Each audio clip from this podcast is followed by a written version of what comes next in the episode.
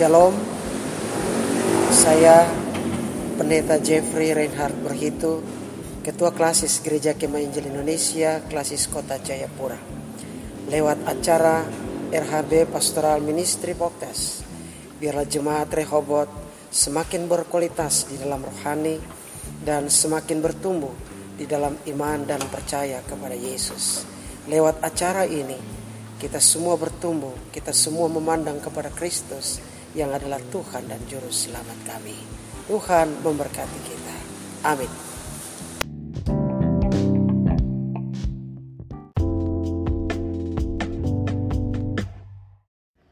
Shalom, selamat malam jemaat, sahabat yang setia untuk mendengarkan podcast RHB Pastoral Ministry Bersyukur kembali kita di hari Rabu ini kembali boleh mendengarkan sharing firman Tuhan malam ini.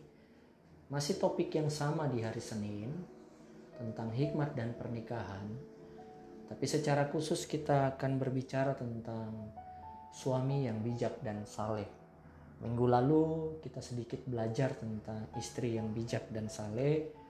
Dan hari ini kita akan belajar tentang suami yang bijak dan saleh. Mari kita berdoa sebelum kita mendengarkan sharing pada uh, malam ini. Kita bersatu di dalam doa, kita berdoa. Terima kasih Tuhan Yesus, Engkau memberkati kami sepanjang hari ini. Kami menaikkan syukur Tuhan. Ketika kehidupan kami bukan dinilai dengan seberapa banyak yang kami terima, tapi kami mau belajar untuk menilai dan melihat kebaikan Tuhan melalui seberapa banyak yang kami menaikkan syukur kepada Tuhan. Terima kasih Tuhan. Tentunya hari ini kami boleh lalui dari pagi sampai menjelang malam ini tidak terlepas dari pertolongan Tuhan. Berkati kami dengan firman-Mu yang sebentar kami akan renungkan dan setiap telinga yang mendengar melalui siaran pada malam ini biarlah Roh Kudus Tuhan yang bekerja dan mematraikan dan kami boleh hidup terus di dalam kuasa firman. Di dalam nama Kristus Yesus kami berdoa. Amin. Baik firman Tuhan yang minggu lalu sudah kita bahas dari Amsal 30 khususnya di ayat yang ke-21 sampai ayat yang ke-23. Saya ulangi bacakan buat kita. Demikian bunyinya firman Allah. Karena tiga hal bumi gemetar, bahkan karena empat hal ia tidak dapat tahan. Karena seorang hamba, kalau ia menjadi raja, karena seorang bebal, kalau ia kekenyangan makan. Karena seorang wanita yang tidak disukai orang, kalau ia mendapat suami dan karena seorang hamba perempuan, kalau ia mendesak kedudukan nyanyanya. Kekasih Tuhan dari firman Tuhan ini kita sudah sedikit menye, uh, merenungkan uh, di hari Senin kemarin. Uh, dalam teks ini atau di dalam kitab suci uh, mengatakan adalah khususnya tadi yang kita baca sebuah tragedi ketika seorang perempuan menikah dengan seorang laki-laki yang tidak mengasihinya. Tentunya ini menjadi satu masalah yang besar. Ya dikatakan tragedi karena bagaimana ketika kita menikah, kita menjalani kehidupan yang firman Tuhan katakan harus sehidup semati atau sampai mati katanya itu. Sedangkan kita tahu bahwa istri misalnya kita menjalani pernikahan dengan perempuan yang tidak kita kasihi atau sangat ironis seorang perempuan menikah dengan seorang laki-laki yang tidak mengasihinya. Ketika manusia jatuh ke dalam dosa, kita tidak melihat satu pernikahan yang uh, ideal dan khususnya di tengah-tengah dunia ini ya. Sedangkan pernikahan yang ideal adalah pernikahan yang sebuah ikatan relasi yang mendalam sehingga apa yang dilakukan bukanlah merupakan relasi dari dua orang yang berbeda. Sedikit saya sudah singgung ini di hari Senin kemarin bahkan dua orang yang independen melainkan sebuah hubungan yang baru di mana dua menjadi satu atau dua orang yang saling bergantung ya. Ini sangat dalam maknanya dua orang yang saling bergantung artinya saya sangat membutuhkan kita menyadari bahwa saya membutuhkan istri saya dan demikian sebaliknya. Kita saling membutuhkan. Jadi secara ideal pernikahan adalah sebuah refleksi dari karakter Allah. Gambar Allah bahwa gambar atau refleksi itu tidak lengkap bila hanya ada satu laki-laki atau hanya satu perempuan saja. Dan inilah yang sesungguhnya menjadi uh, pemikiran pandangan baik kita sebagai orang Kristen di dalam melihat sebuah pernikahan. Dan setelah dosa masuk ke dalam dunia, akhirnya begitu banyak permasalahan yang terjadi terjadi permasalahan antara suami dan istri, permasalahan antara keluarga, permasalahan yang bahkan terjadi banyak di dalam tengah-tengah dunia ini. Ya, bahkan kita bisa banyak melihat bahwa melihat permasalahan itu tidak terlalu sulit untuk kita bisa melacak tentang kebenarannya. Bahkan jika seorang anak yang memiliki masalah perilaku di sekolah, sering kali kita akan melihat bahwa yang menjadi masalah adalah masalah di rumah ya.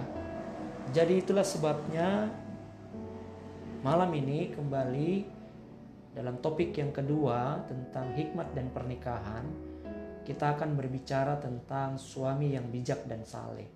Minggu lalu minta maaf hari Senin lalu kita telah belajar tentang istri yang bijak dan saleh. Hari ini kita akan belajar tentang suami yang bijak dan saleh. Jadi bagaimana suami yang bijak dan saleh? Pertama, marilah kita pikirkan apa hal apa saja yang menjadikan suami bijak dan saleh. Tentunya suami yang bijak dan saleh tidak terlepas dari hikmatnya. Hikmat seorang laki-laki dalam perannya sebagai seorang suami berbanding lurus dengan tingkat kasihnya terhadap istrinya. Kekasih Tuhan ada banyak laki-laki atau ada banyak suami yang mencari kekayaan, mencari kekuasaan, mencari popularitas yang mereka beranggap bahwa itu akan membawa kehormatan bagi dirinya. Nah, sedangkan uh, itu dia berani mengorbankan semua itu, khususnya dia berani berusaha mengusahakan semua itu, di mana dia rela mengorbankan istrinya, mengorbankan istrinya di dalam uh, harusnya dia memperlakukan istrinya dengan baik, tetapi karena dia mengejar kekayaan, dia mengejar kekuasaan popularitas dan kehormatan akhirnya berimbas kepada hubungan suaminya, hubungan ist kepada istrinya, maksud saya. Jadi mari kita lihat dalam Amsal 12 ayat 4 di situ dikatakan istri yang cakap adalah mahkota suaminya, tetapi yang membuat malu adalah seperti penyakit yang membusukkan tulang suaminya. Jadi dari ayat ini tentunya kita bisa melihat bagaimana seorang istri yang sangat cakap. Istri yang cakap dikatakan bahwa dia adalah mahkota suami. Di situ juga dikatakan bahwa dia tidak akan membuat malu, ya. Jadi Daripada banyak pria yang memfokuskan perhatiannya untuk menghasilkan uang sebanyak mungkin, sedangkan seorang laki-laki harus memikirkan bagaimana dia memilih seorang istri yang baik supaya kemudian memelihara kerohanian, kerohanian anak-anaknya. Inilah yang menjadi sebuah mahkota kekayaan. Jadi kekasih Tuhan, apa uh, untungnya jika kita memiliki semua kekayaan, tetapi kita tidak sungguh mengalami kasih yang sejati, khususnya di dalam konsep keluarga Kristen. Kenapa demikian? Uang tidak ada artinya jika diperoleh dengan mengorbankan rumah tangga yang bahagia. Kita banyak melihat contoh-contoh akhir-akhir ini Ada orang yang berkelimpangan, berkelimpahan, berkelimpangan dengan kekayaan, tetapi rumah tangga mereka hancur. Ada yang cerai dengan istrinya, menikah lagi, cerai lagi, anak-anak terlantar. Jadi inilah maksud dari firman Tuhan bahwa suami yang bijak dan yang saleh dia tidak akan mengorbankan keluarganya. Sekalipun dalam dia mengejar kekayaan, popularitas, dan sebagainya. Tetapi suami yang bijak dan yang saleh, dia akan memiliki istri yang cakap. Mengapa dia akan memiliki istri yang cakap? Karena dia terus mengasihi istrinya. Saya ulangi pernyataan statement di awal, hikmat seorang laki-laki dalam perannya sebagai seorang suami itu berbanding lurus dengan tingkat kasihnya terhadap istrinya. Jelas firman Tuhan mengatakan ya. Uh, firman Tuhan dalam Amsal 11 ayat 28 kalau kita tinjau kembali prinsip-prinsip kekayaan dalam firman Tuhan mengingatkan kita siapa mempercayakan dirinya kepada kekayaan akan jatuh ya tetapi orang benar akan tumbuh seperti daun muda jadi jelas kekasih Tuhan.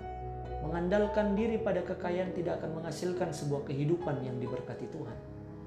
Tetapi hanya akan mewarisi angin dan sesuatu kekosongan yang fana. Karena firman Tuhan sudah banyak berkata tentang hal ini. Dalam Amsal 17 ayat 1 juga mengatakan lebih baik sekerat roti yang kering disertai dengan ketentraman daripada makanan daging seruma disertai dengan perbantahan. Inilah ayat-ayat firman Tuhan yang banyak berbicara. Sekali lagi, saya ingin melihat, mengajak pendengar untuk melihat tentang pernikahan yang banyak pernikahan mengorbankan keluarganya untuk kekayaan. Tetapi apa gunanya kita akan hidup dengan makanan yang mungkin uh, berkelimpahan, tetapi di meja makan tidak ada kasih, di meja makan tidak ada uh, cinta, tidak ada sukacita, tapi hanya ada perbantahan kekasih. Jadi saya ulangi lagi bahwa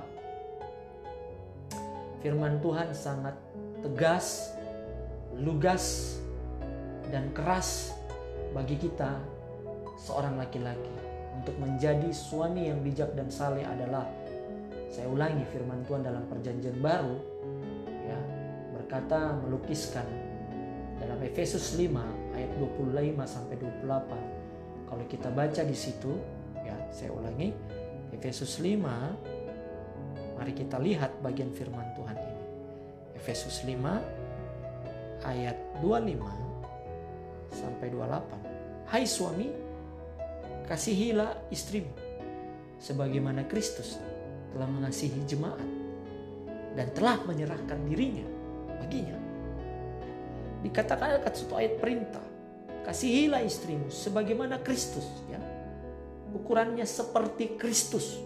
Jadi suami yang bijak dan saleh dia akan serupa dengan Kristus. Di mana dia harus memberi hidupnya.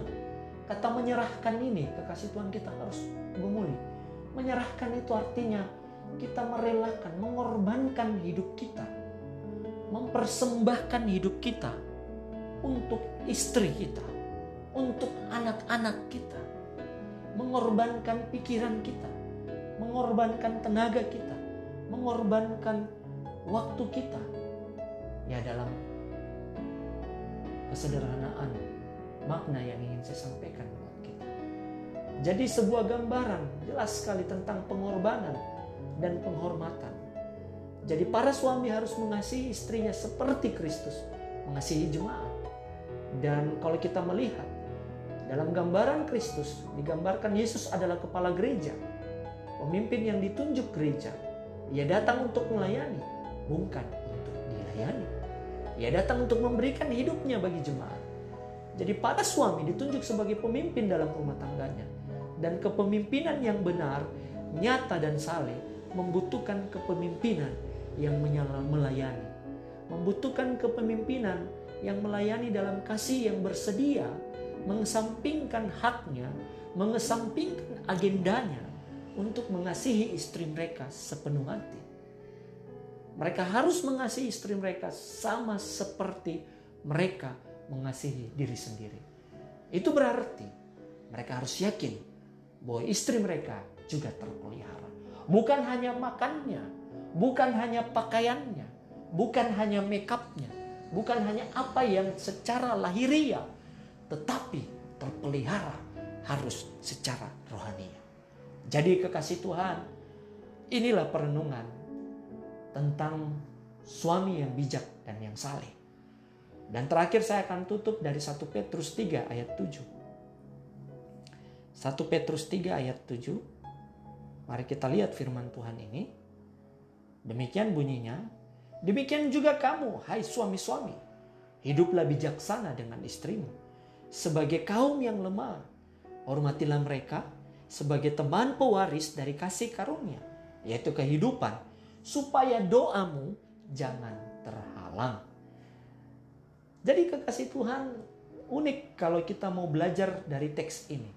1 Petrus 3 ayat 7. Ketika saya harus mengasihi, mengasihi istri saya dengan menghormati mereka dan memperlakukan mereka sebagai mitra pewaris bersama Kristus yang setara di hadapan Tuhan sebagai putri raja segala raja. Para suami menghormati istrinya dengan menyadari bahwa mereka lebih rentan secara emosional daripada suami sehingga mereka tidak berupaya menindas secara emosional atau memanipulasi istri mereka. Lihat ayat di situ mereka adalah kaum yang lemah. Jadi ini maksud saya. Kita harus memperlakukan istri kita dengan kasih yang lebih mendahulukan istri kita. Karena mereka adalah kaum yang lemah.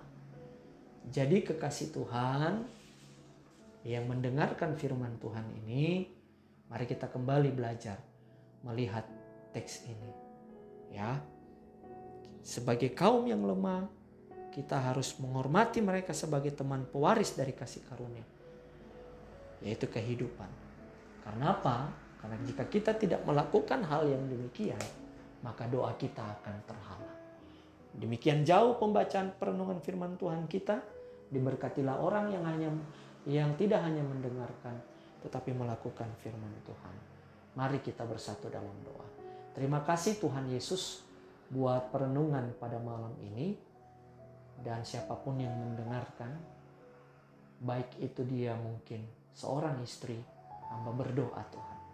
Biarlah suaminya Tuhan ubah dan jama. Suaminya boleh sungguh hidup di dalam kebenaran-kebenaran ini. Menjadi suami yang berhikmat, menjadi suami yang saleh, menjadi suami yang bijaksana.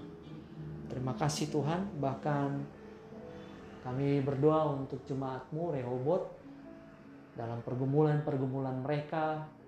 Biarlah kami percaya bahwa Tuhan pasti hadir, memberikan kekuatan, memberikan jalan keluar.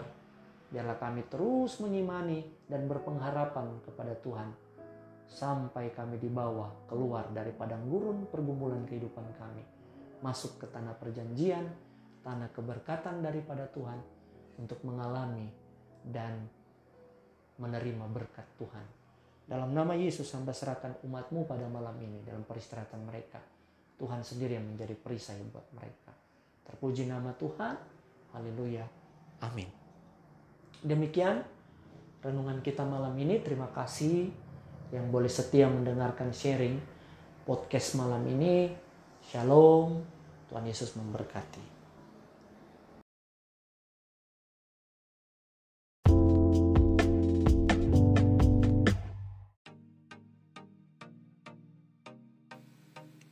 Shalom, saya Joni Rangga, Wakil Ketua BPJ Jemaat GKI Rehoboth Jayapura. Terima kasih telah mendengarkan RAB Pastoral Misteri Podcast. Tuhan Yesus memberkati.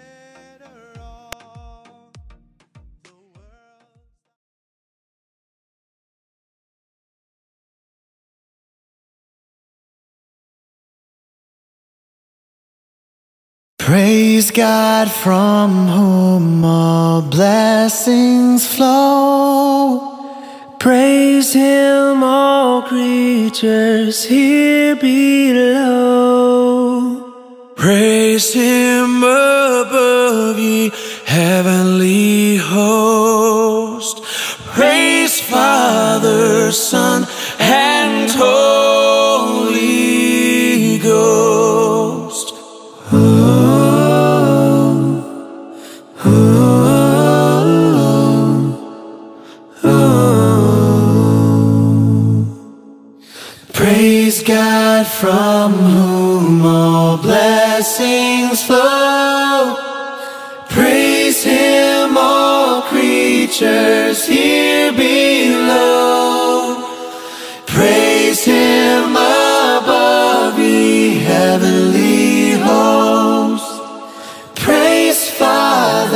Son, and Holy Ghost.